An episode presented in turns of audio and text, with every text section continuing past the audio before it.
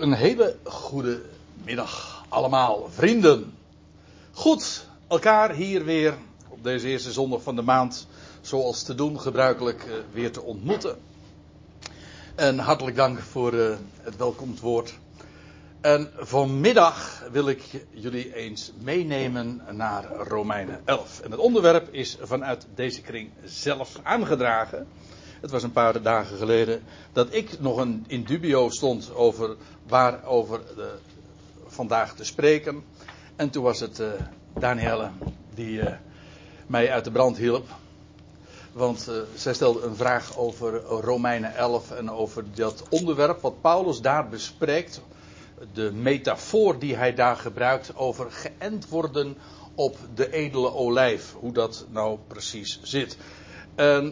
Laat ik uit de aankondiging die ik op mijn website had geplaatst over deze middag eventjes het volgende dan ook voorlezen om meteen even in de, in de stemming zeg maar te komen, in de sfeer van het onderwerp. In Romeinen 11 betoogt Paulus dat de gelovigen uit de natieën, uit de volkeren, als onnatuurlijke takken geënt zijn en dan gebruikt hij de uitdrukking op de vettigheid van de wortel van de olijfboom. Waarna de vraag is: bedoelt hij daarmee te zeggen, zoals velen menen, dat de gelovigen uit de natieën zijn ingelijfd bij Israël? Zo wordt de tekst en zo wordt de vergelijking gewoonlijk gelezen. En nou ja, het antwoord kan ja zijn, maar zo nee, wat bedoelt hij dan eigenlijk met de vettigheid van de wortel, waaraan gelovigen uit de natie deel hebben gekregen?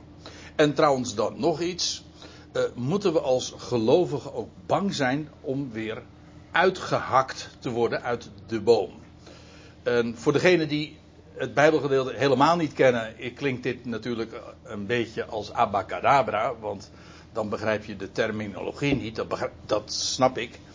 Maar dat wordt vanzelf helder wanneer we gewoon vers voor vers door dat gedeelte heen gaan. Dat gaan we wel een beetje snel doen, want ik wil die, hele passage dus uh, lezen. Maar in ieder geval, uh, deze vragen, deze opmerkingen lijken mij uh, op zich al reden genoeg om eens nauwkeurig te lezen, nauwkeuriger dan je gebruikelijk bent te doen wanneer je alleen maar een passage leest. En voorleest aan tafel of je leest het even oppervlakkig, ja, maar dat is wat anders dan Bijbelstudie. Bijbelstudie wil zeggen dat je eh, met precisie leest en vooral ook dan teruggaat naar wat er oorspronkelijk staat geschreven en daarbij natuurlijk ook schrift met schrift vergelijkt, zodat de schrift zichzelf uitlegt. Dat, is de, dat zijn de gouden regels die daarbij van belang zijn. Nou, laten we meteen maar dan de koe bij de horens vatten. En beginnen bij vers 11. En als ik zeg beginnen, ja, eh, in feite het betoog over dit onderwerp van Israël was al veel eerder aangevangen, namelijk in hoofdstuk 9, vers 1. En dat betekent dat er dus inmiddels al ruim twee hoofdstukken aan vooraf gegaan zijn. Hoofdstuk 9, hoofdstuk 10, waar Paulus worstelt, want zo is het toch echt, met de vraag hoe dat nu zit met het ongeloof van zijn eigen vlees en bloed, met zijn eigen volk. En hij zegt ook ergens in deze hoofdstuk, in hoofdstuk 10, is dat hij, dat hij een voortdurend hartzeer had. En vanwege zijn volksgenoten. Omdat hij wist wat aan dat volk, hunner zijn de Israëlieten en wat aan hen is toevertrouwd. Dat zijn de zegeningen, de beloften. Aan hen zijn de vaderen. Van hen is de eredienst, de verbonden, nou, de wetgeving, alles. Uh, dat heeft God aan dat volk toevertrouwd. En hoe zit het nou met de belofte die God aan dat volk gegeven heeft? Als nu het merendeel van het volk er zijn uitzonderingen. Paulus was zelf zo'n uitzondering namelijk. Nou, aanvankelijk dan niet, maar uh, later, uh, godzijdank wel. Maar hoe zit het dan met die belofte als het merendeel van het volk en ook de representanten van dat volk, ik bedoel degenen die verantwoordelijk waren, de regering, het Sanhedrin, als die het evangelie afwijzen. Hoe zit het dan met de voortgang van die belofte? En, nou, dat zijn de vragen waar, uh, waar Paulus uh, uitgebreid aandacht aan geeft. En het zijn schitterende hoofdstukken. En ik kan natuurlijk niet anders dan uh, gewoon midden in het betoog invallen, maar gewoon puur om te komen bij dat, ja, die metafoor, die vergelijking die hij dan maakt over die olijfboom. En dan maak ik al een aanloop, want dan begin ik in vers 11 dan toch maar te zeggen. Hij zegt, ik zeg dan, zij struikelen toch niet opdat zij zouden vallen. Overigens, deze, voor de goede orde, deze vertaling is gebaseerd op de zo letterlijk mogelijke vertaling. Dus kan zo uh, af en toe afwijken van de MBG of Statenvertaling. En uh, als dat echt essentieel is, dan, nou, dan komt dat vanzelf wel aan de orde. wat Paulus hier zegt over dat volk is zij. Hij zegt, ik zeg dan zij, dan bedoelt hij zijn volksgenoten. En dan, maakt hij, dan spreekt hij over. Uh, dan gebruikt hij twee werkwoorden. En dat is struikelen en vallen. En dit is ook heel typerend voor de tijdsperiode waarin hij dit optekende. Hij, dat weten we trouwens uh, vrij nauwkeurig, want de Romeinenbrief is geschreven. Ja, als je het. Dit is geen tijdlijn, maar je kunt het gewoon plotten ergens markeren in het boek Handelingen. Ik bedoel, Lucas die, uh, die beschrijft de handelingen van de apostelen, zo heet, zo heet dat dan. Uh, en dat begint dan in Handelingen 2 bij de Pinksterdag zo'n beetje. En eindigt in de Handelingen 28 als Paulus dan in Rome gearriveerd is. Nou, en die hele verhaallijn, daar kun je gewoon ook allerlei brieven gewoon uh, zeggen van, oh dat is toen geschreven, de Thessalonicense brief, de Korinthebrief enzovoorts. Juist omdat een groot gedeelte van de geschiedenis van de apostel Paulus uh, uh, zo uitgebreid beschreven wordt. Nou, deze brief is geschreven in Handelingen 20 vers 3. Ik bedoel in die tijd, in die maanden dat hij daar in Achaïe was, in die, die, dat zuidelijk schiereiland van Griekenland. Ten zuiden van Athene. En in die periode heeft Paulus dit geschreven. En wat kun je dan van Israël zeggen? Nou, Israël is gestruikeld, maar nog niet gevallen.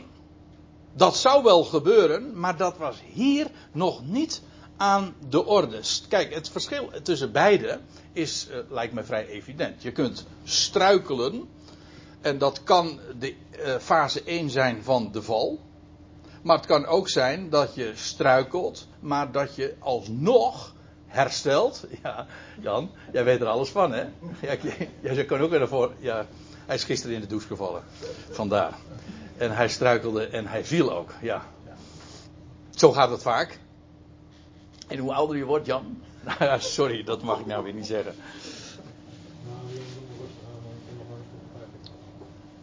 Nou ja, in ieder geval, je kunt struikelen, maar je, uh, je alsnog herstellen.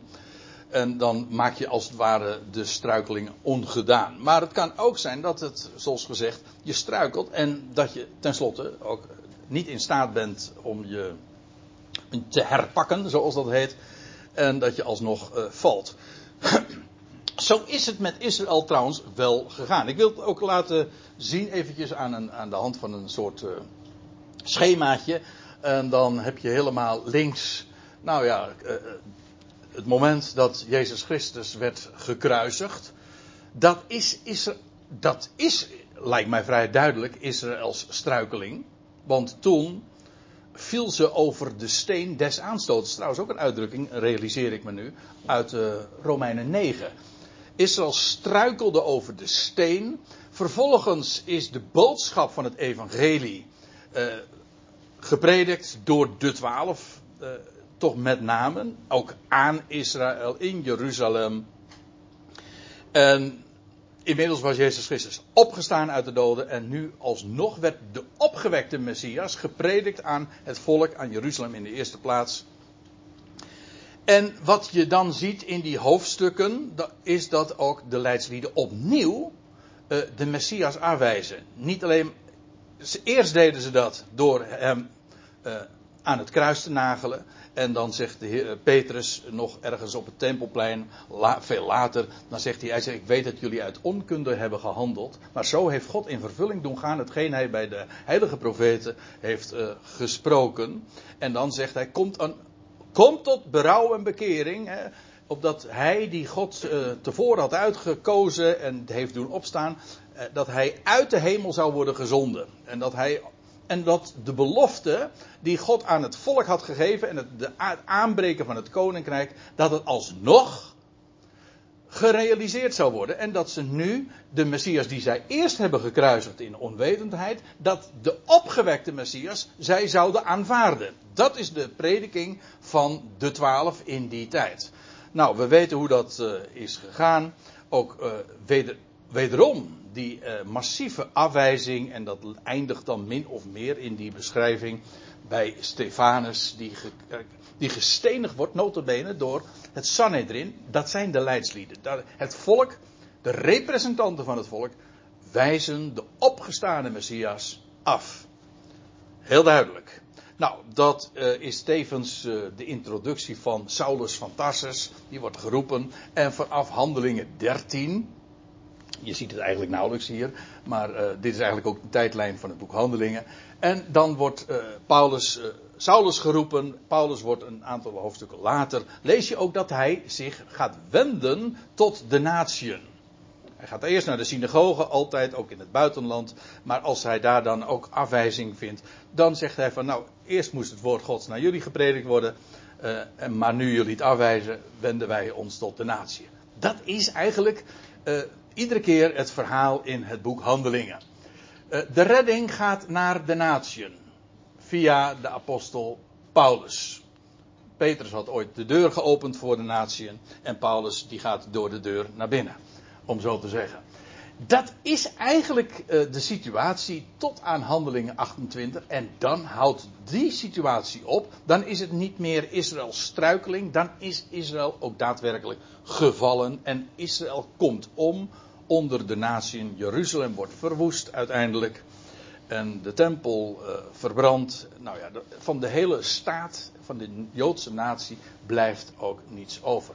Nou, dat is de situatie. Dus hier in eerste instantie Israëls struikeling. En het eindigt dan in handelingen 28 is dat het einde van het verhaal. Ja, min of meer als het daarom gaat, Israëls val. Dus als Paulus, om even, uh, nog even goed helder te krijgen, als Paulus in Handelingen 20 uh, eh, deze brief aan de Romeinen schrijft, de gelovigen te uh, Rome, dan is dat in de tijd nog, dus dat hij zich wendt tot de natie. Jawel. Maar het is ook nog de tijd van Israëls struikeling. En dat laat ik nu ook zien, want de rest van Romeinen 11, eh, van vers 11, Romeinen 11, vers 11, en dan staat er, maar door hun misstap, door, ja, dat staat dan door hun val, dat is erg misleidend uh, in de MBG-vertaling, maar het is hun misstap. Door hun misstap, de aanwijzing van de Messias, is de redding voor de natieën. In feite is dit Paulus' persoonlijke relaas. Hij zegt: waarom wend ik mij tot de natieën? Oh, gewoon als je het even puur historisch bekijkt. En je kunt het zelfs uh, heel erg. Je, je kunt je zelfs nog in dit geval inzoomen op de figuur van Paulus zelf. Waarom ging hij naar de natieën? Antwoord: omdat de synagoge het niet bliefde in eerste instantie in de Joodse staat, in het Joodse land zelf, Jeruzalem, later ook in het buitenland. Door hun misstap is de redding voor de natieën. Dat wil zeggen, het evangelie ging vervolgens buiten de, de religieuze grenzen en ging ook nu naar de natieën. En dat is inderdaad een samenvatting van Paulus' bediening. Er is ook een verschil trouwens met de prediking van de twaalf. Want als, ik wil toch eventjes maar even aangeven. Want van de twaalf, als uh, die predikte, vooral bij monden van Petrus, dat Israël zich zou bekeren. Als Israël zich zou bekeren, dan zou het worden hersteld. Het volk zou vanuit de hele wereld worden verzameld. En onder leiding van de Messias zou via een gelovig Israël de natieën bereikt worden en zou het koninkrijk geopenbaard worden over de hele wereld. Dat was de prediking. Dus het heil, ook bij de twaalf zou het heil bij de natieën terechtkomen. Maar hoe? Door Israëls geloof. Door Israëls geloof zou het bij de natie komen. Voor Paulus was het precies omgekeerd. Hij zegt, door hun misstap is de redding naar de natie. Juist omdat Israël niet geloofde, ging hij naar de natie. Dus dat is uh, in afwijking van uh, wat de, de gedachte was en het, uh, zeg maar het profetische programma. Dit was ook verborgen in de profetie. Ik zeg, dit was verborgen in de profetie. En dus staat het er, denk ik dan, maar verborgen. Ja. Maar goed, dan, en dit is dan ook weer heel typerend. Ook weer voor die tijd. Uh, maar door hun misstap is de redding voor de natieën. Ja, waarom? Om hen jaloers te maken. Nou, dat is gelukt hoor, moet ik u zeggen. In, dat had Paulus trouwens even eerder in deze hoofdstukken al gezegd. En ik zei al, dit was uh, het was verborgen in de profetie. Dat kan ik ook aantonen, want moet je eens opletten hoe Paulus dat dan formuleert. Dan zegt, ik blader even nu terug naar hoofdstuk 10, vers 19. En dan zegt hij, maar ik vraag, heeft Israël het dan niet verstaan? En dan, voor eerst zegt Mozes, en aanhalingstekens openen. Nu volgt een citaat. Hij citeert uit, uit, uh, uh, ja, uit de boeken van Mozes dus. Uh, waar was het ook alweer? Ja, in Deuteronomium. Nou, moet maar even nakijken wat het precies is. Maar in ieder geval, hij citeert Mozes en hij zegt: Ja, Mozes had dat al gezegd. Woorden van die strekking. Ik zal u jaloers maken op wat geen natie is. En toornig op een onverstandige natie. Dus daar wordt al door, bij monden van Mozes gezegd dat er ooit een tijd zou komen dat ze jaloers zouden worden gemaakt door wat geen natie is. En op een onverstandige natie, tussen aanhalingstekens dan. Dat wil zeggen, een volk waar ze, een natie waar zij op neerkijken. Die er geen verstand van heeft. Want ja, dat is. Uh, wat weten, ze, wat weten die, die blinde Filistijnen en de, wat weten die blinde heidenen daar nou van? En, maar het is jaloezie. En je ziet dat ook inderdaad uh, in het boek Handelingen gewoon voor je ogen voltrekken. En Paulus is daar eigenlijk voortdurend ook ervaringsdeskundige in. Dat als hij inderdaad naar de natieën toe gaat, dat dat een enorme jaloezie en kift oproept bij, ja, bij zijn volksgenoten, bij, bij de Joden. Ik ga, ik ga verder. Uh, want ik zei al, ik heb een heleboel dia's en ik wil, ik wil wel bij die olijfboom uitkomen natuurlijk. Hè. Ja. Anders uh, is de missie niet geslaagd. Indien nu hun misstap rijk, uh, in de dat is dus in de tegenwoordige tijd. Indien nu hun misstap uh, rijkdom van de wereld is. En hun, vermin, en hun vermindering rijkdom van natieën. Dus wat je hier ziet is dat in de tegenwoordige tijd, Israël wijst de Messias op. Dat is hun misstap. Hun struikeling. Maar, sorry voor het foute woord, eh, de grap is dat juist dat de schatkamer van God opent voor de wereld.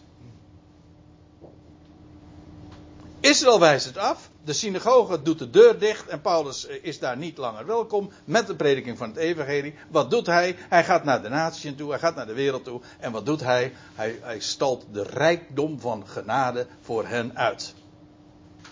En dat is voor Israël een misstap. Het betekent ook hun, hun uh, vermindering. Dat wil zeggen, er, zijn. Uh, ook getalsmatig trouwens er velen van hen vallen af. Dat is een vermindering, toch? Maar ondanks die vermindering bij Israël en ondanks hun misstap is dat juist rijkdom voor de natieën. Maar zegt Paulus, als dat al zo is, Als nou de misstap voor Israël en hun vermindering, zoals dat is de terminologie die hij in deze gebruikt. Als dat al rijkdom voor de wereld is, hoeveel te meer hun volheid. En dat is dus in de toekomst. Dat is iets wat je eigenlijk ja, voor de traditionele christen moet uitleggen. Maar voor Paulus' uh, lezers was dit natuurlijk gesneden koek. Want ja, dat uh, er een toekomst voor Israël is en voor het volk. En dat daar een Messiaans Rijk nog gaat komen hier op deze aarde enzovoort. Uh, vanuit Jeruzalem. Ja, uh, dat is Bijbels ABC. Dat is de Bijbelse toekomstverwachting.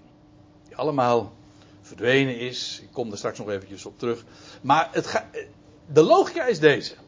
Als Israëls ongeloof nu al zo'n enorme rijkdom betekent voor de wereld, wat moet dat gaan betekenen als Israël straks uh, tot volheid komt en tot, in de praktijk betekent dat, tot aanvaarding van de Messias. Hoeveel te meer zal het, uh, dat rijkdom voor de wereld zijn?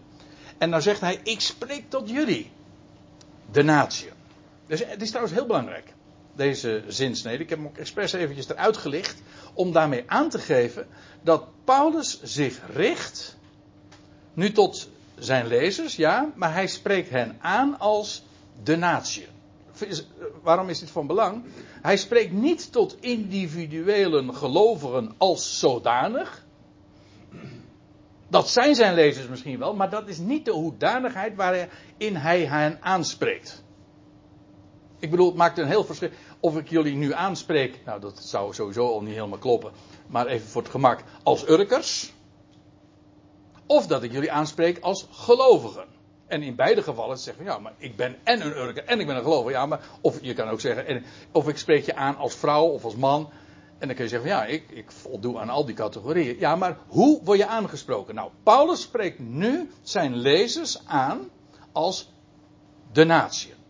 Zo, uh, hij, doet dat trouwens uh, gewoonlijk nu in de navolgende versen in het enkelvoud.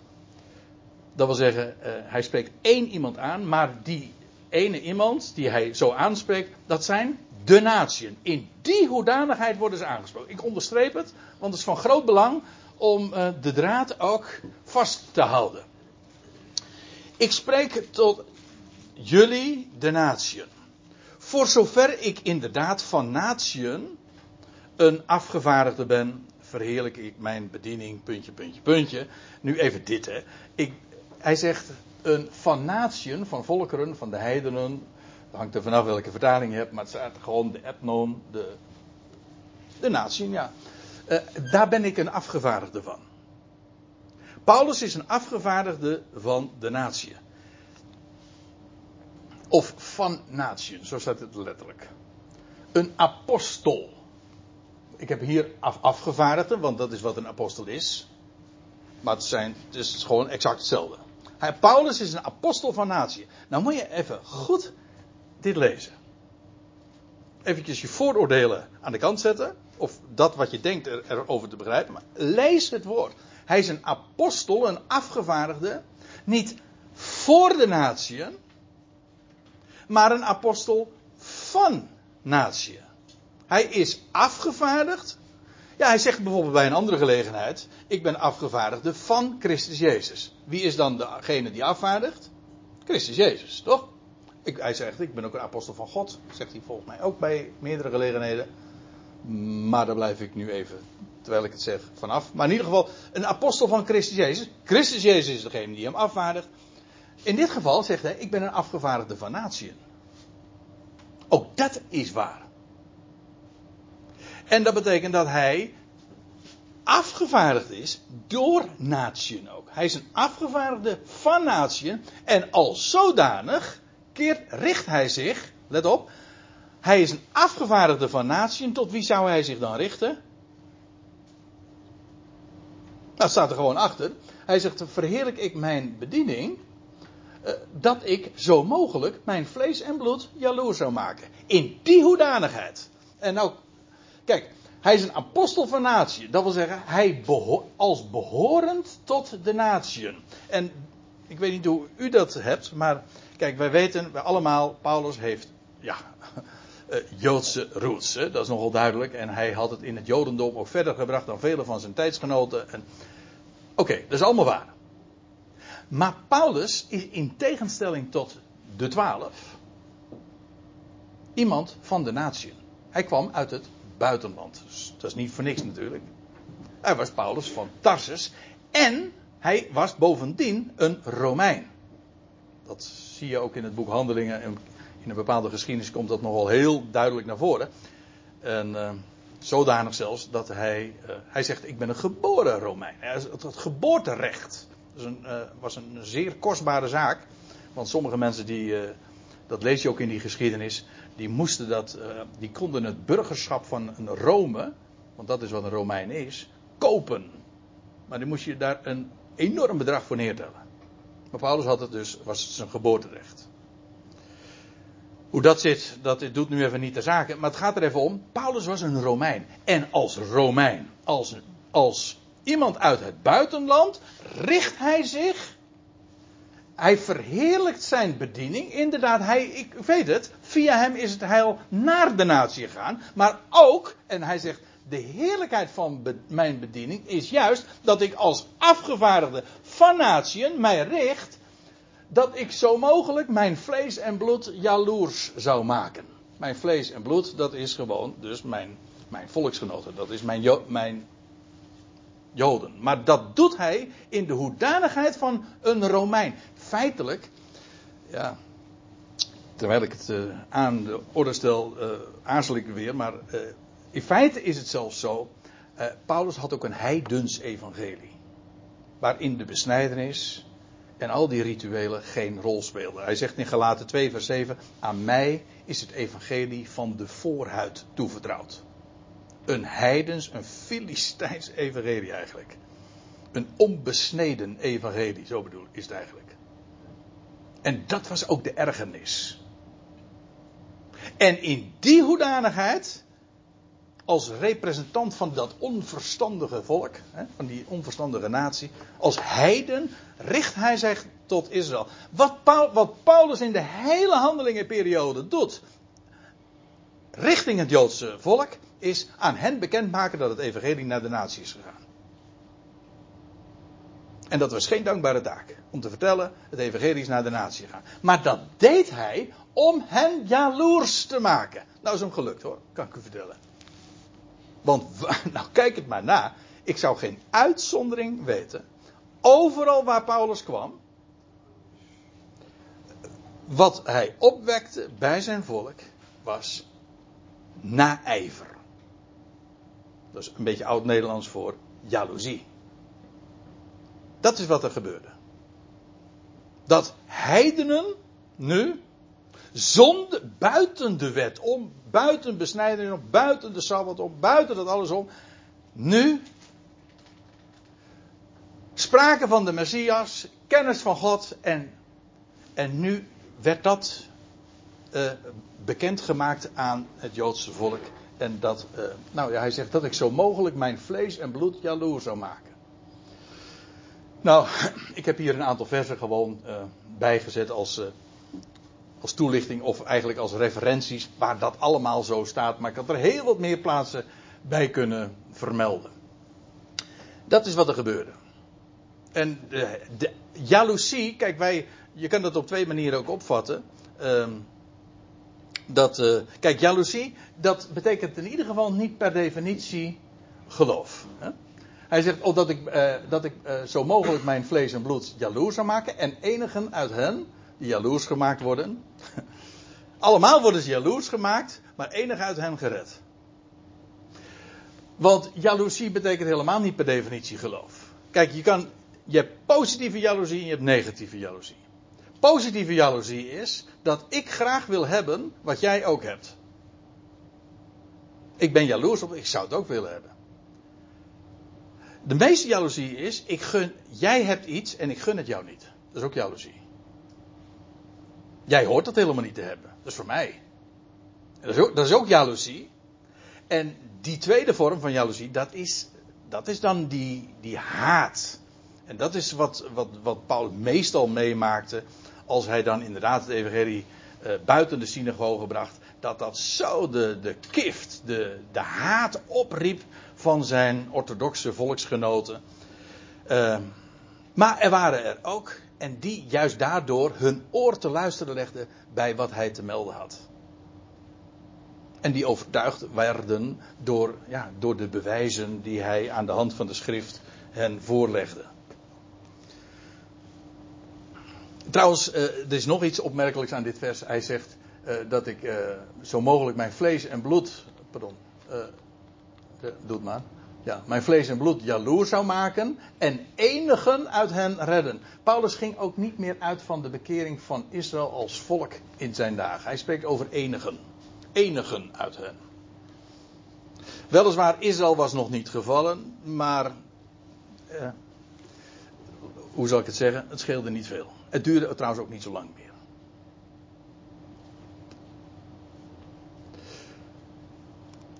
Ik ga verder. Want indien hun verwerping verzoening van de wereld is. Nou ja, dit is uh, in feite wat hij ook in vers 11 al aangaf. Doordat Israël hun Messias. Israël, de Israëlieten hun Messias verwierpen. Hun verwerping. Wat je trouwens ook op twee manieren kunt opvatten. Zij verwierpen de Messias. Ja, maar het is ook hun verwerping. Dat wil zeggen, zij worden daardoor terzijde gesteld. Maar in ieder geval, hun, indien hun verwerping verzoening van de wereld is. Dat is Paulus' boodschap, immers. Nou ja, ja, dat is Paulus' boodschap. De boodschap van verzoening van de wereld. God die de vijandschap teniet doet. En dat is inderdaad de verzoening van de wereld. En mensen zeggen, ik weet het, van die boodschap dat is een, een dwaalleer. Maar het is precies wat Paulus zegt. Juist doordat Israël, of de synagoge, zo u wilt, het Joodse volk, de haar Messias daardoor is de schatkamer de rijkdom voor de natie. En wat wordt hen verteld? De verzoening van de wereld. Dat is de ene kant. En wat zal dan de aanneming anders zijn dan leven vanuit de doden. Hun verwerping betekent de boodschap van verzoening van de wereld. Hij is de redder van alle mensen. In het bijzonder van degenen die geloven. Ja, dat is de verzoening van de wereld. Maar Paulus zegt, als nou deze boodschap die ik onder de natieën bekend mag maken, voortkomt uit Israëls verwerping, hun verwerping, wat zal de aanneming dan anders wezen, anders zijn dan leven vanuit de doden? Dat is toekomst. Hun verwerping is nu. De boodschap van de verzoening der wereld is daardoor naar de natie gegaan. En, maar de aanneming in de toekomst van de Messias, dat, wat is dat anders dan leven vanuit de doden? Nou ja, dat is Israëls herstel dus. Ezekiel 37, die dal, de dal van door het doodsbeenderen. Of wat dacht u van Hosea 6? Over dat Israël na twee dagen levend gemaakt zal worden. En dat de Heer tot hen zal komen. Hun aanneming is niet anders dan leven vanuit de doden. Dus je ziet in dit gedeelte dat Paulus het, uh, het, dat wat er plaatsvond in zijn dagen en over Israëls struikeling, bijna val, om zo te zeggen. Hij plaatst in historisch, in heilshistorisch perspectief, in profetisch perspectief. En hij zegt, ja, maar dat is hun verwerping nu. En hoe God als het ware een omweg maakt via de natieën. Maar uiteindelijk komt hij toch weer daar waar, waar hij wezen wil. En namelijk bij Israël. En wat zal die aanneming dan anders zijn dan leven vanuit de doden? Pasen voor deze wereld. Geweldig. Dat is de toekomst. Indien nu. Nou, nou komen we op een paar uh, wat lastiger versen. Maar uh, daar moeten we wel in naartoe natuurlijk. Indien nu de eerstelingen heilig zijn, dan ook het deeg. Dat klinkt al erg cryptisch. Hè? En indien de wortel heilig is, dan ook de takken. Dit zijn twee vergelijkingen van één zaak. Waarover heeft hij het? Nou ja, hij heeft het en over eerstelingen en over wortel. Het ene is meervoud, het andere is enkelvoud. En hij heeft het over het deeg, dat is enkelvoud. En hij heeft het over de takken, dat is dan weer meervoud. Leuk hè? Maar eerst even dit. Waar, waar zou hij op doelen? Ik, ik zei, het zijn lastige versen. Uh, toch valt het bij nader inzien mee. Want uh, wat blijkt is dat hij helemaal aansluit op de, de rest van zijn betoog. Die eerstelingen, ja, dat is dus de wortel. Dat is hetzelfde. Dat is waar het begint. Maar dat is ook waar, waar, het, uh, waar een plant mee begint, immers bij de wortel. Daar komt alles vandaan. En dat zijn inderdaad, de, dat kan niet anders, degene bij wie alles ooit is aangevangen, in dit geval de aartsvaders. De vaderen, om zo te zeggen. Abraham, Isaac, Jacob, dat zijn die eerstelingen. Daar is alles ooit mee begonnen. Zij zijn heilig, dat wil zeggen, zij zijn apart gezet, geroepen.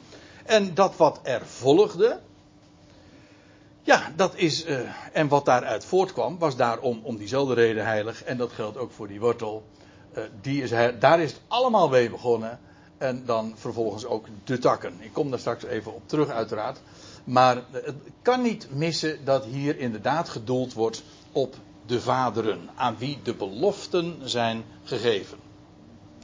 En dan uh, even over dat deeg en die takken. ja, dat is dan in beide gevallen ook identiek. Het, zijn, het gaat over de Israëlieten die voortgekomen zijn uit de vaderen, toch? In feite, uh, dan nog trouwens iets over dat deeg.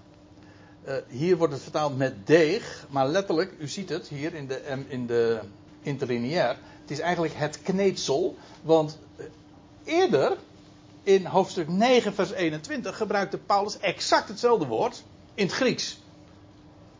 En het is, dat is inderdaad kneedsel. Dat kan deeg zijn, maar het kan ook dat spul zijn waar een pottenbakker gebruik van maakt, namelijk een klomp klei. Daar wordt, in de NBG-vertaling wordt het ook trouwens vertaald met een klomp. Wat voor Nederlanders trouwens alweer erg verwarrend is natuurlijk, want wij denken bij een klomp weer aan iets anders, aan een houten ding. Maar ik bedoel nu even een klomp klei. Een kneedsel, iets wat je mee kneedt en dat, eh, als een bakker dat doet, ja, dan is het deeg. En als een pottenbakker het doet, dan is het een, een ja, klomp. Of heeft het nog een andere naam? Weet ik even niet. Hè? Ja, een klomp klei. Ja, nou ja, in ieder geval, dat is, dat is het woord. In feite is dat allemaal trouwens een proces. Hè? Het deeg is niet het eindresultaat, maar het is iets waar je, waar je brood van bakt en maakt. Trouwens, daar doelt Paulus hier ook op. Ik ga er nu eventjes aan voorbij, want dat. Uh, het gaat er even om dat hij hier ook weer door uh, verwijst naar, de, naar een ritueel waarbij uh, eerstelingen werden geheiligd. En dan uh, het deeg wat dan vervolgens van de tarwe werd gemaakt, dat was dan ook heilig. Maar het, de, het idee is niet zo moeilijk. Waarom is het volk van Israël, waarom zijn de Israëlieten individueel heilig? Nou, heel simpel. Ze zijn voortgekomen. Ze zijn dragers van de beloften. De aartsvaderen. De vaderen, of zo u wilt. De eersten. Aartsvaders betekent trouwens ook de eerst. Aarts is eerste. En, en dus de, de aartsvaders, dat zijn inderdaad de eerstelingen. Dat is de wortel waar het allemaal mee begonnen is. En waar ook uh, het volk is uit voortgekomen is. Nou, uh, we komen er wel, Danielle, want nu zijn we bij vers, 7, bij vers 17. Indien nu enige van de takken werden weggebroken. Aha. Paulus, het is leuk hè? Paulus, uh, want ik doe nou moeite om uit te leggen dat die takken Israëlieten zijn. Maar Paulus legt het niet uit. Hij gaat ervan uit dat zijn lezers dat al sowieso begrijpen. Dus als wij het niet begrijpen, dan ligt dat eigenlijk aan uh, ja, uh, aan ons onbegrip, zeg maar. Maar goed, het, zo moeilijk is het niet. Uh, trouwens, uit het vervolg blijkt het sowieso al uh, helemaal. Indien nu enige van de takken werden weggebroken. Hij doelt hier op uh, Israëlieten die door ongeloof terzijde zijn gesteld. Zijn, ze, ze waren dragers van de belofte, maar ja, door ongeloof zijn ze nu weggebroken. En jullie, de natieën, zo werden ze aangesproken, en jullie, als wilde olijf, te midden van hen werden geënt. Ja, dat is logisch, ook hier weer, want de natieën, die kregen deel aan de beloften, of de belofte als enkelvoud, gewoon als, als collectief, als, als verzameling van al de beloften. Die kregen deel aan de belofte die primair voor de Israëlieten, de natuurlijke takken waren bestemd. je leest, ik heb het expres de dia's eruit gehaald, want het zou te ver voeren. Maar lees even Handelingen 3, vers 25 en 26. Waar Petrus ook zijn volksgenoten daar op het tempelplein aanspreekt. En daar zegt hij: God heeft in de eerste plaats voor jullie zijn knecht, zijn, eh, zijn knecht uh, op, doen opstaan. En hem tot u gezonden, opdat jullie je van je boosheden zouden bekeren. Ik, woorden van gelijke strekking worden daar gezegd. Maar in de eerste plaats voor hen. Maar nu zijn die natuur, er zijn vele natuurlijke takken vanwege ongeloof weggebroken. Nou zegt Paulus, en nu is vervolgens het, evangelie, dat voor hen in de eerste plaats bestemd was, is het nou bij de natie terechtgekomen. Zijn gelovig, jullie, zijn, jullie ogen zijn geopend. En nu zijn jullie te midden van die weggebroken takken geënt. En, en zegt hij erbij, en mede deelgenoot en daardoor mede deelgenoot werd van de wortel, van de vettigheid van de olijfboom. Dat is een hele mond vol.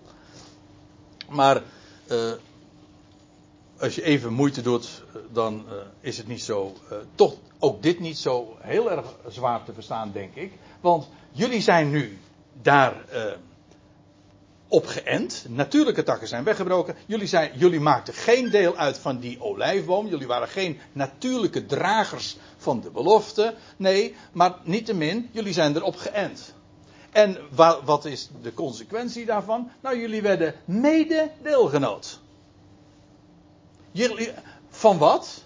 Nou, van de wortel van de vettigheid van de olijfboom. Aha, dus dat wat de, uh, de, de de MBG-vertaling zegt, de saprijke uh, wortel. Ja, dat is dat wat de wortel produceert. Hebben jullie, doordat jullie daarop geënt zijn, hebben jullie deel gekregen aan dat wat die wortels produceert. Aan de vettigheid, de olie. Feitelijk is ook prachtig. Hè? Want een olijfboom, ja, wat produceert een olijfboom? Olijfolie. En waar wordt olijfolie voor gebruikt? Nou, voor een heleboel doeleinden. Medische doeleinden, culinaire doeleinden. Uh, maar in de Bijbel in de eerste plaats voor licht. Om de lampen brandende te houden. Dat uh, wisten priesters in het heiligdom maar al te goed. Hè? De, de, uh, je deed ja, bij, ja, geen elektrisch licht. Nee, je had olie in de lampen. Dus die olijfboom produceert olie en dat wordt voor allerlei doeleinden gebruikt. Eigenlijk een soort, wij spreken dan van Halemerolie. Halemerolie is dat spul dat overal eigenlijk goed voor is. Nou, eigenlijk olijfolie is ook een soort halemerolie. Maar eh, primair, en dat vind ik, vind ik mooi in dit verband ook, het dient primair tot verlichting. En dat is geweldig, want dat is juist wat het woord produceert. Aan, is aan de aartsvaders zijn de belofte gegeven. Het woord van God. Maar dat is die vettigheid. En daar hebben zij deel aan gekregen. Jullie zijn deelgenoot geworden van de wortel van de vettigheid van de olijfboom. Wat dus betekent dat zij. Nou ja, laat ik het, laat ik het uitleggen door de apostel Paulus zelf. Die zegt in Galaten 3, vers 29. En indien jullie van Christus zijn. Aangezien, aangezien jullie van Christus zijn dan zijn jullie zaad van Abraham en naar de belofte, ja, erfgenamen. Of letterlijk staat er lotbezitters. Maakt me even in dit verband niks uit, het verschil. Maar in ieder geval, als jullie van Christus zijn, dan zijn jullie zaad van Abraham. En naar de belofte dus lotbezitters. En hebben jullie deel gekregen aan de belofte die aan de vader er ooit gedaan zijn. Jullie zijn dan weliswaar geen natuurlijke takken. Niet in de erfelijke lijn. Maar jullie zijn wilde olijven, maar maak geen bal uit. Want door geloof zijn jullie op die olijfboom geënt. En hebben jullie daarmee deel gekregen aan de vettigheid, aan, de sap, aan het sap dat die olijfboom produceert. Maar, zegt hij er dan bij, ik moet eigenlijk de hele zin even lezen. Uh, indien nu enige van de takken werden weggebroken en jullie als wilde olijf te midden van hen werden geënt. En mededeelgenoot werd van de belofte van de vettigheid van de olijfboom. Alsjeblieft. Bluf dan niet. Hè, of beroem u dan niet tegen de takken. Doe nou niet alsof jij meer bent dan die takken. Uh, maar, ja, en zegt hij dan, maar als je dan bluft, indien je bluft, eh, als je je tegen, daartegen beroept, bedenk dan dit, niet jij draagt de wortel, maar de wortel jou. Wel even de verhouding zien, hè? Waardoor, waardoor hebben zij, denk, zij, zij beroemen zich, ja, omdat ze deel hebben gekregen aan wat? Ja, aan de beloften die aan de vaderen gedragen, gedaan zijn. Daar delen zij in. Maar de, de wortel draagt hen, hè? En, en dus niet omgekeerd. Hoe was het ook alweer? Alle roem is uitgesloten. Onverdiende zaligheid. Dus elke vorm van hoogmoed, zo van ja, ik. Hè, ik heb gekozen. Uh, dat, is dat is eigen roem. Stikt. Je hebt helemaal niks. Je hebt helemaal niks. Als je het mag zien, dan komt het omdat God je ogen heeft geopend. En als je, als je hart het verstaat, dan komt het dat zijn, je hart is opengedaan door hemzelf. Hij opent harten, hij opent ogen. Het oog dat ziet, het oor dat hoort. Beide heeft de Heer gemaakt. Dus hoezo roem? Bluf niet. De wortel draagt jou, niet jij de wortel. Zo. Jij zal dan zeggen, jij, de, de natie, u ziet het, hè, ze worden als enkelvoud uh, aangesproken. Blijkt niet zo goed uit de, eh, de, de, gangbare vertalingen, want er staat er gij, maar gij kan in zowel enkelvoud als meervoud zijn. Maar er staat enkelvoud. Jij zal dan zeggen, er worden takken weggebroken, opdat ik zou worden geënt. En dat klopt. Dat klopt. Dat is wat Paulus zegt. Maar, het is de helft van het verhaal. Kijk maar, want Paulus zegt, goed, zo van, ja, dat, dat klopt. Dat is helemaal waar. Uh, zij worden weggebroken om het ongeloof. En jij staat in het geloof. Uh, want in de Bijbel is het altijd zo, er is geen andere weg. Geloof is altijd het kanaal waardoor de zegen komt. Er is geen andere weg. Ik zeg niet dat geloof een voorwaarde is alsof een mens want dat is nu juist wat ik zei. Geloof is geen voorwaarde, zo van jij moet geloven, want je kan geloven, dat is iets wat God je geeft, dat is waar. Maar er is geen andere weg dan door geloof. En als je staat, dan komt dat, ja, omdat je gelooft. En als je valt, dan komt het omdat je niet gelooft.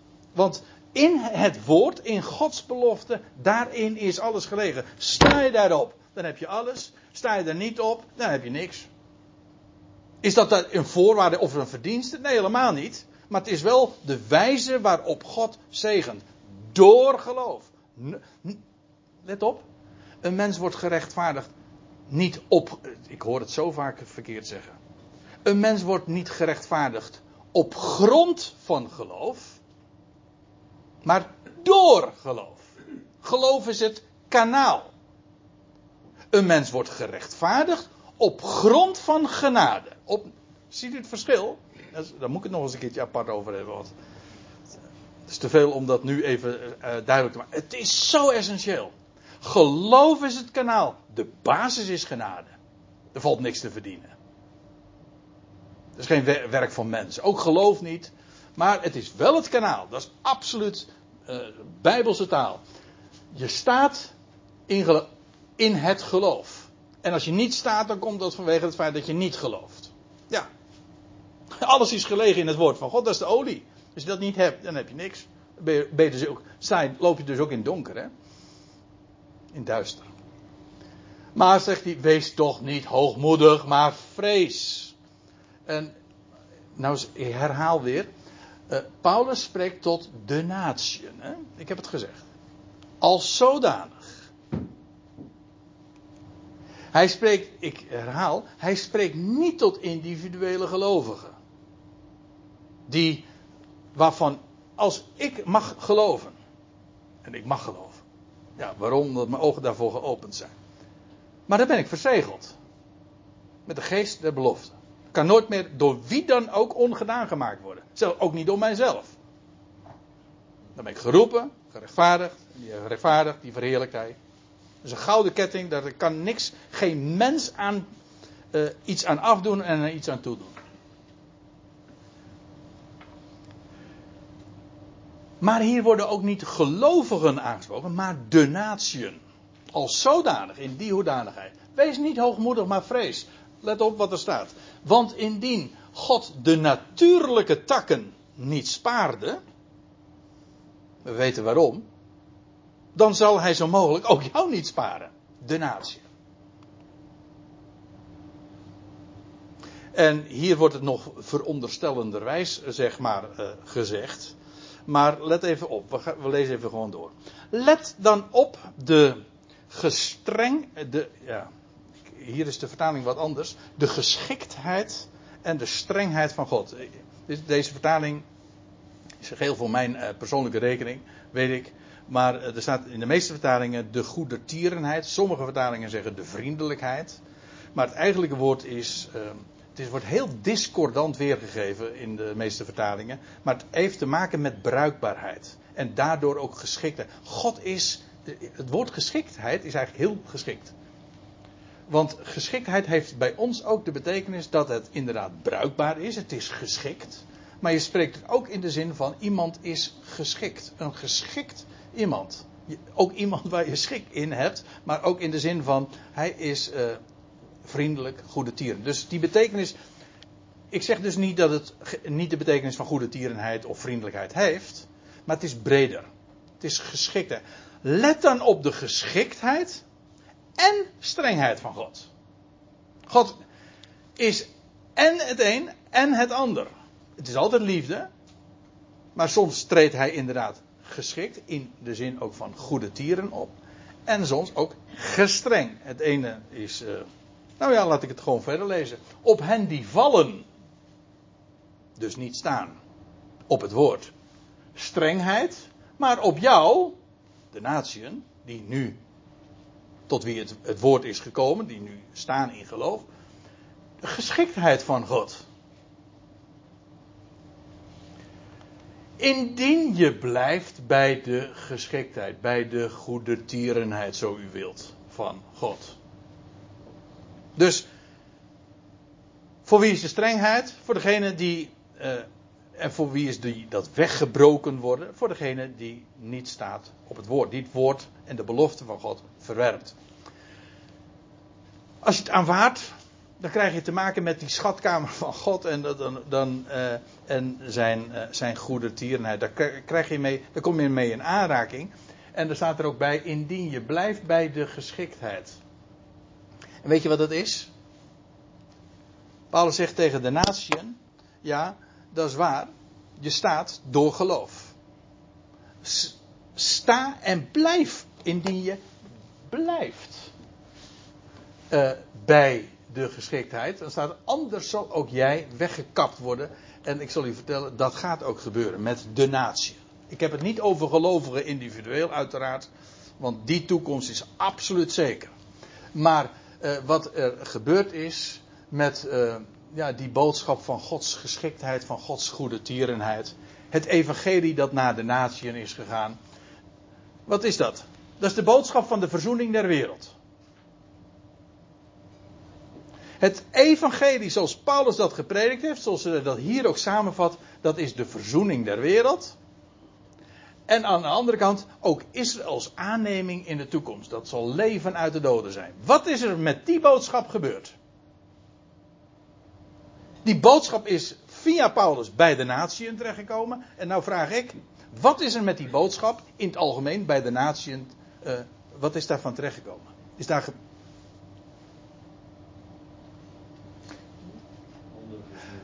Het is dwaalleer geworden. En, en weet je wat er dan gebeurt? Als een mens het woord van God verwerpt. Ja, dan je gewoon. Nou, dan gebeurt er precies hetzelfde als wat er ooit met Israël gebeurde. En namelijk, dan krijg je te maken met de gestrengheid van God. En dat ook precies wat er uh, staat. Anders zal ook jij, de natieën, weggekapt worden. Ook de christenheid, gewoon het volk wat zich, uh, aan wie het de boodschap is toevertrouwd, die claimt het te kennen, die zal vanwege ongeloof worden weggekapt. Wat God gebruikt is geloof in zijn woord. En als hij het woord laat toevertrouwd van de verzoening der wereld en van Israëls aanneming. En beide gevallen, wat is er gebeurd? Over, over dat evangelie zoals Paulus dat mocht uitbezuinen. Het is tot dwaalleer, tot dwaalleer verklaard. Tot ketterij. En de geweldige rijkdom van Gods genade. Ja, die werd miskend. En het werd allemaal voor wat, hoort wat. En geen genade, maar werken, jij, jij, jouw keuze. Maar ook Israël, Israëls toekomst. Ja, men zei van wij zijn, de, wij zijn Israël. En uh, ja, de, wij zijn, de kerk is in de plaats van Israël gekomen. Dat is de officiële theologie. Nou, daarmee is, zijn ze niet gebleven bij de geschiktheid, de goede tierenheid van God. Het woord dat via Paulus bij de natie terechtgekomen is. En als dat, uh, als dat uh, het geval is, dan zal ook jij weggekapt worden. En dit is de toekomst inderdaad uh, zoals dat zal gaan. Zoals het met Israël gegaan is, zo gaat het uiteindelijk ook weer met de natie. En we zitten daar tegenaan. Ik lees nog even verder. Maar ook zij, wanneer zij niet blijven bij het ongeloof, zullen zij geënt worden. En die twee vallen inderdaad samen. Want aan de ene kant, hoe was het? Israël, de natuurlijke takken uh, werden weggebroken. En vervolgens kwam het bij de natie terecht. En bij de natie zullen op een gegeven moment weggekapt worden. Vanwege ongeloof. En wat gebeurt er dan? Dan zullen zij, uh, de natuurlijke takken, niet blijven bij het ongeloof. En dan zullen zij geënt worden. Israëls toekomstige bekering en herstel zodat het wegkappen van het een bracht bij het inenten van de ander. En omgekeerd ook weer. Ik zou ik, terwijl ik het vertel, denk ik van nou, ik kan een mooi schemaatje van maken. Ik kan het zo laten zien hoe het werkt. Maar de logica ligt er gewoon dik bovenop. En dan zal Israël ook weer geënt worden. Want God is bij machten hen weer te enten. En God is ook bij machten om te vervullen dat wat hij beloofd heeft. Want dit is precies wat hij beloofd heeft te zullen doen. Want indien jij uit de wilde olijf, waartoe je naar je natuur behoort. Dat wil zeggen dus niet, je bent geen natuurlijke nakomeling van, van de aartsvaders. Want indien jij, de wilde olijf, waartoe je naar je natuur behoort, werd uitgehakt. En dus eigenlijk eh, van je heidense oorsprong, zeg maar, werd ontdaan. En je deel kreeg aan de beloften. En naast je natuur, of zegt de NBG-vertaling dan, um, tegen uw natuur. Of eigenlijk letterlijk naast je natuur. In de edele olijfboom geënt wordt. Ja, hoe? Wat betekent het? Wat is die edele olijfboom? Dat is het, het zaad van Abraham zijn. De wortel, dat, is, dat zijn de aartsvaders. En geënt zijn op die olijfboom wil zeggen dat je zaad van Abraham bent. Natuurlijke takken kunnen dat zijn, maar dat kunnen ook de onnatuurlijke takken zijn, namelijk de, de gelovigen uit de natie. Dan heb je deel gekregen aan het zaad van Abraham en naar de belofte ben je dan ook een erfgenaam. Terwijl je dat niet qua afkomst, genetisch zeg maar, bent. Maar het maakt dus niks uit, want dan ben je gewoon naast je natuur, of zo u wilt, tegen je natuur, geënt op de edele olijfboom. Nou, zegt Paulus dan, hoeveel te meer zullen deze naar hun natuur, qua afkomst, zij zijn, zij zijn de kinderen van de aartsvaders, gewoon van, naar hun natuur, genetisch, de stamboom, die zullen dan in hun eigen olijfboom geënt worden.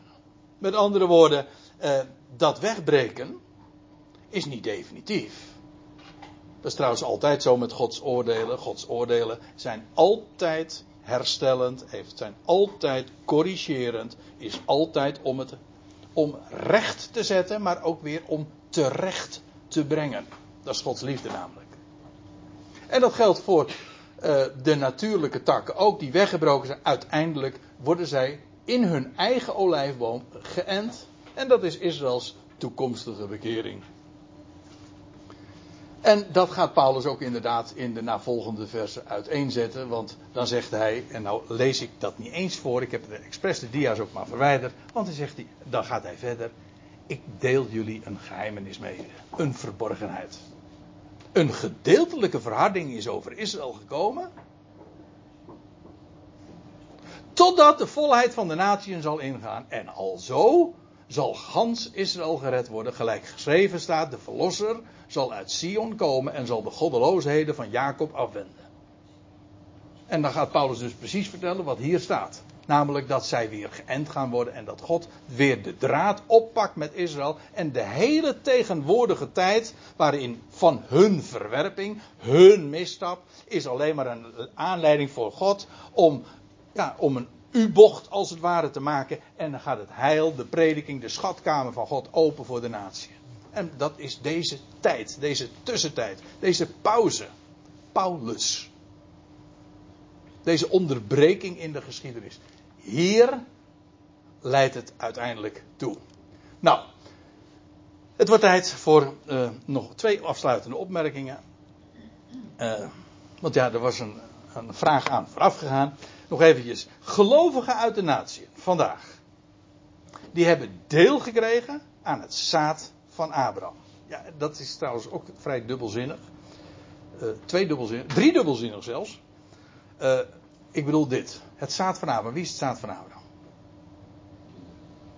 Dat is uiteindelijk, ja, dat kun je zeggen van, ja, dat zijn alle nakomelingen van Abraham. Maar Paulus zegt in Galaten 3, zaad enkelvoud. Dat is Christus. Het zaad van Abraham, dat is Christus. Nou. Maar, wacht even. Dat is geweldig. Wij zijn in, hebben deel gekregen aan het zaad van Abraham. Dat wil zeggen, wij zijn aan, aan, aan het beloofde zaad. En dat is de Christus. En daarmee dus ook aan de belofte. En gelovigen uit de natieën vandaag, die worden, en dus, dit is belangrijk, die worden niet ingelijfd in Israël, dat is heel wat, dikwijls verteld wordt. Ja, we zijn ingelijfd bij Israël. Nee, we zijn ingelijfd in Christus.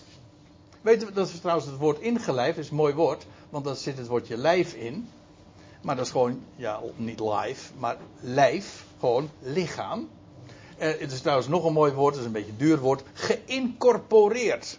Daar zit het woordje corpus in. Ik woon uh, in Katwijk op een kilometer afstand, nog niet eens, van Corpus, kent u dat? Waar je zo'n reis door het uh, menselijk lichaam kan maken. Dat, dat gebouw dat is heel leuk trouwens om te bekijken. Als u daar naartoe gaat, dan bent u hartelijk welkom bij deze om een kopje koffie bij mij te drinken. Tegen, tegen een geringe. Nee, nee, sorry. Wij komen toevallig buurvereniging in plaats een 40 altijd, altijd, ja zeker. Oh, ik weet al, ik kan geen anderhalve meter garanderen. maar mondkapjes zijn niet verplicht. Nee. Maar uh, goed, uh, geïncorporeerd, daar zit het woordje corpus in. Geïncorporeerd wil eigenlijk zeggen dat je geplaatst bent in het lichaam. Wij zijn geen deel van Israël. Het is nog veel hoger. Wij zijn deel van Christus, zijn lichaam geworden het zaad van Abraham. En al zodanig hebben we deel gekregen ook aan de beloften die aan de aartsvaders deel ge, uh, gedaan zijn. Eigenlijk op het hoogste niveau. Deel gekregen, en nou kom je echt aan de verborgenheid. Namelijk dat we deel zijn, hebben gekregen aan het lichaam van Christus. Mensen, dat is zo onvoorstelbaar rijk. om daaraan te denken. Ik denk dat we er geen notie van hebben wat God voor ons heeft weggelegd. Ook de positie in Christus. Eén gemaakt met Hem. Hoofd, lichaam. Kijk, dat is de echte inlijving waar Paulus het over heeft. Nou, dat zijn uh, zo een aantal dingen die ik uh, vandaag wilde delen. En ik hoop, Daniel, dat het uh, iets duidelijker is geworden. En zo niet, dan gaan we het er 6 september nog eens een keertje over hebben.